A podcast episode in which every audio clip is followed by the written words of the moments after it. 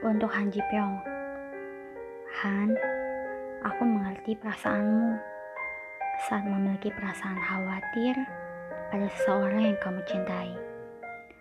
Aku juga paham bagaimana rasanya saat seseorang yang kita cintai tidak memiliki perasaan yang sama. Tapi, bukankah kamu setuju bahwa manusia itu tidak bisa ditebak? Sama seperti kehidupan. Tak bisa diprediksi perasaan manusia itu. Memang, malam ini, jika kamu ingin berteriak sambil melihat ke langit, dan itu bisa membuatmu meredakan perasaan gila dan menyesakan, aku pikir tidak apa-apa, Han. Sebab, Han, beberapa orang benci ketika ucapan selamat tinggal itu tidak mampu terucap dan seseorang pergi pada saat yang tidak tepat. Tapi akan ada saatnya kita akan berhenti mencintai seseorang. Bukan karena orang itu tidak memiliki perasaan yang sama, melainkan kita sendiri yang menyadari bahwa orang itu akan jauh lebih bahagia saat tidak bersama kita dan merelakan bukan pilihan yang buruk. Aku tidak sepakat bahwa tidak ada perpisahan dengan baik-baik, karena selalu ada perpisahan dengan cara yang indah. Terlihat membahagiakan, meski hati tetap saja menjerit, menahan sakit. Han, tidak apa-apa untuk menangis seperti anak kecil yang merengek meminta permen. Tapi yakinlah bahwa perpisahan selalu mengajarkan banyak hal. Salah satunya barangkali ketika sedang dijauhkan dari seseorang yang belum tepat untuk kita, kita hanya sedang didekatkan kepada yang lebih baik. Han, mencintai orang yang tidak mencintaimu bukanlah sebuah kesalahan. Anggap saja kamu sedang tersesat di jalan yang aneh dan suatu hari kamu akan menemukan jalan yang tepat. Juga bertemu dengan orang yang tepat. Doaku malam ini untuk Han Ji Pyong, anak baik kesayangan nenek. Semoga langit mendengarnya. Ruang semesta, Second Lead Syndrome Effect oleh Kayuhan Sepeda.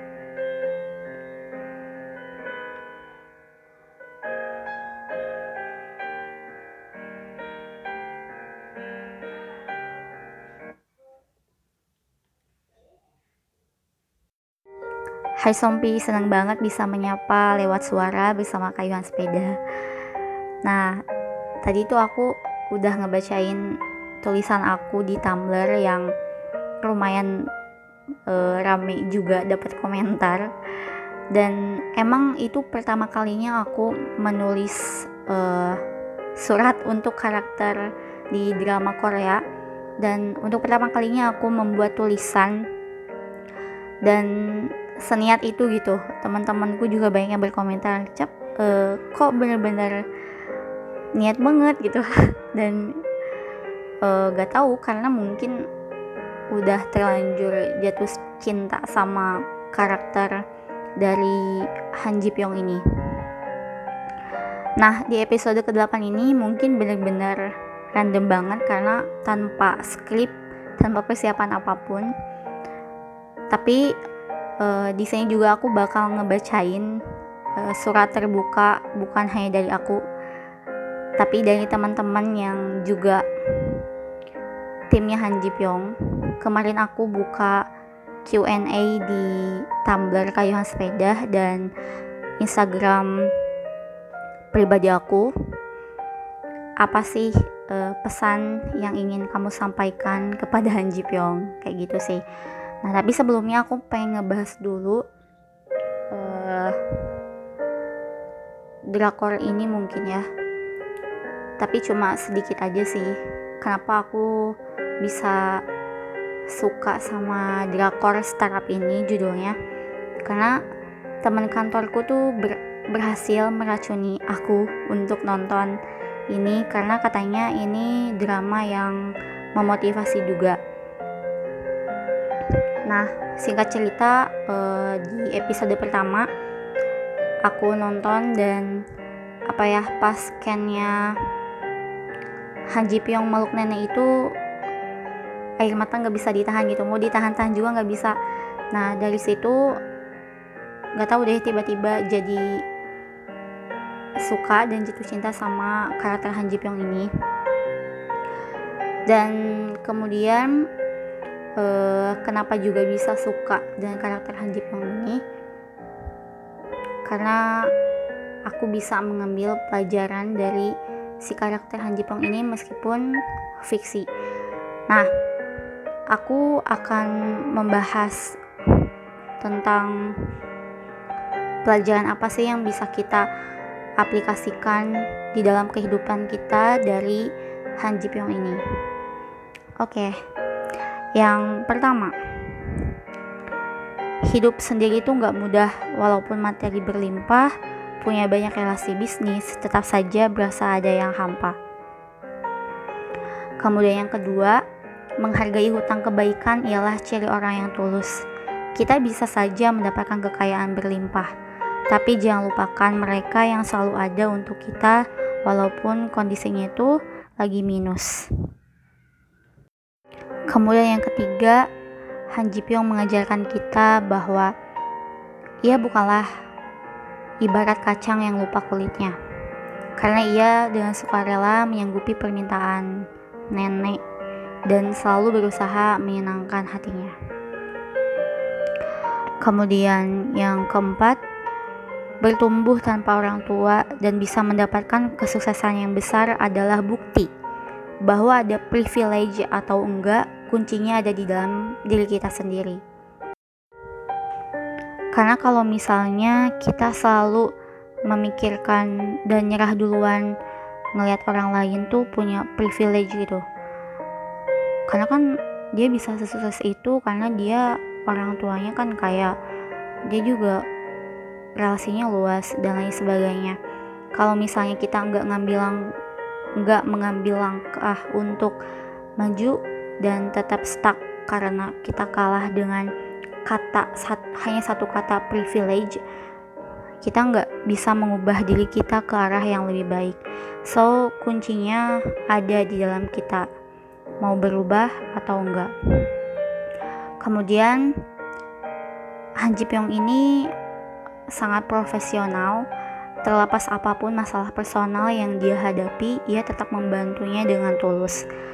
Dia mau membuang ego untuk kebaikan banyak orang, walaupun ini sulit, apalagi kalau berhubungan dengan perasaan. Kemudian, he is great mentor and smart mentor menurutku. Ada banyak karakter dari seorang mentor, ada yang lemah lembut dan ada juga yang senang memberikan kritik yang membangun. Nah, yang senang memberikan kritik ini mungkin akan sedikit tidak disukai, tapi justru itulah yang akan membuat seseorang itu bertumbuh dan tidak santai-santai. Nah, Han Ji Pyong telah membuktikan itu kepada uh, Sodalmi dan Nam Dosan ketika dia menjadi mentornya. Uh, bisnis mereka itu bertumbuh dan mereka ya nggak santai-santai gitu. Kemudian, uh, this is the saddest part menurutku.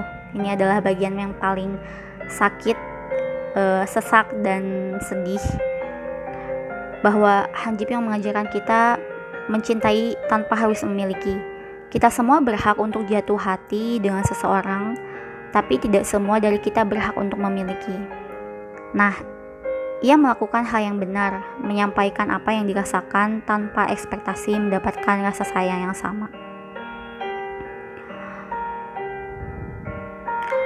Terlepas seorang Han Ji Pyong itu uh, dan kenyataannya adalah hanya sebuah karakter fiksi. Yang terpenting adalah ia telah mengajarkan kita banyak hal. Energi dan motivasi dari drama ini bisa kita aplikasikan di kehidupan kita. So, uh, pada akhirnya kita semua itu bisa mengubah nasib asalkan mau berjuang dengan serius. Oke, mungkin itu poin yang bisa kita ambil ketika aku menonton drama startup ini. Nah, di selanjutnya aku bakal ngebacain surat untuk Han Ji Pyong dari teman-teman Tumblr dan teman-teman Instagram aku. Oke, selamat mendengarkan juga ya.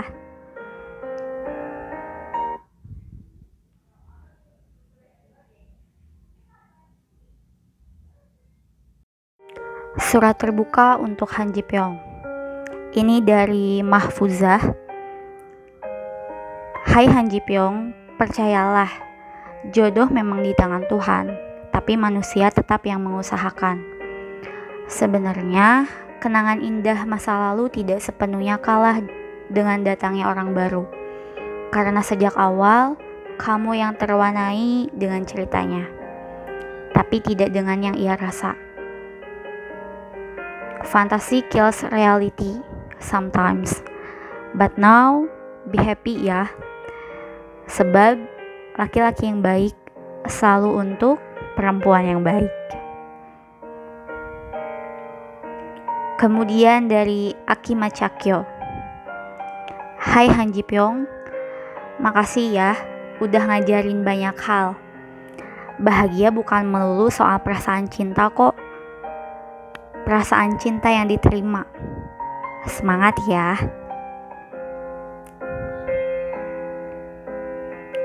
Kemudian dari Wirdah Salabah. Han Ji Pyong, makasih ya udah hadir berani dan kuat menjalani hidup sampai sukses dan membuat orang lain sukses juga.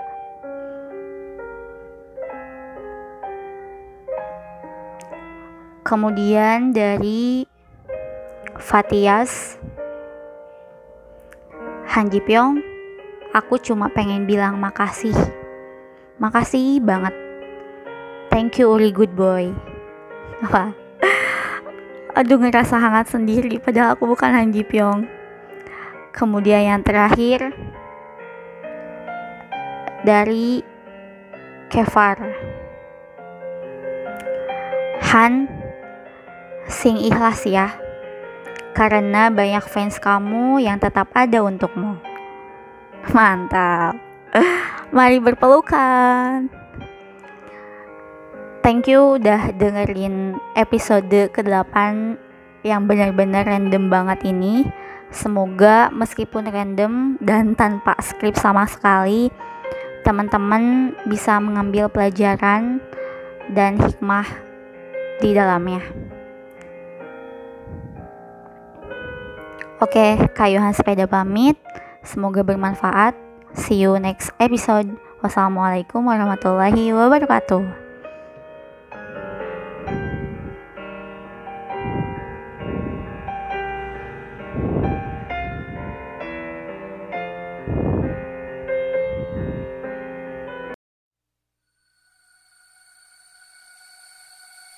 벌써 오래 까맣게 잊혀진 채 살아 낡은 소매와 지친 어깨로 매일 반복된 곳에 다신 모를 뜨겁게 사랑한 기억들로 가끔 웃게 해준 희미해진 너 그리워. 어느 날 우리 한 번쯤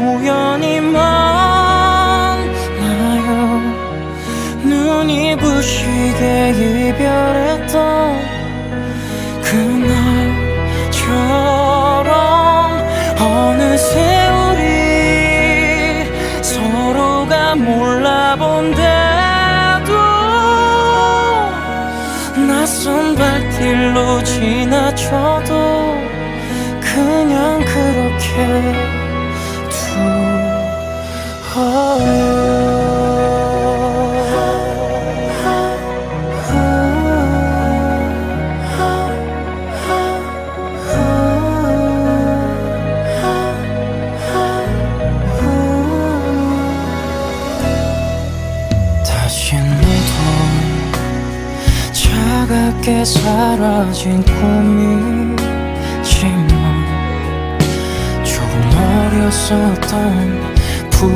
생각했던 나 아쉬워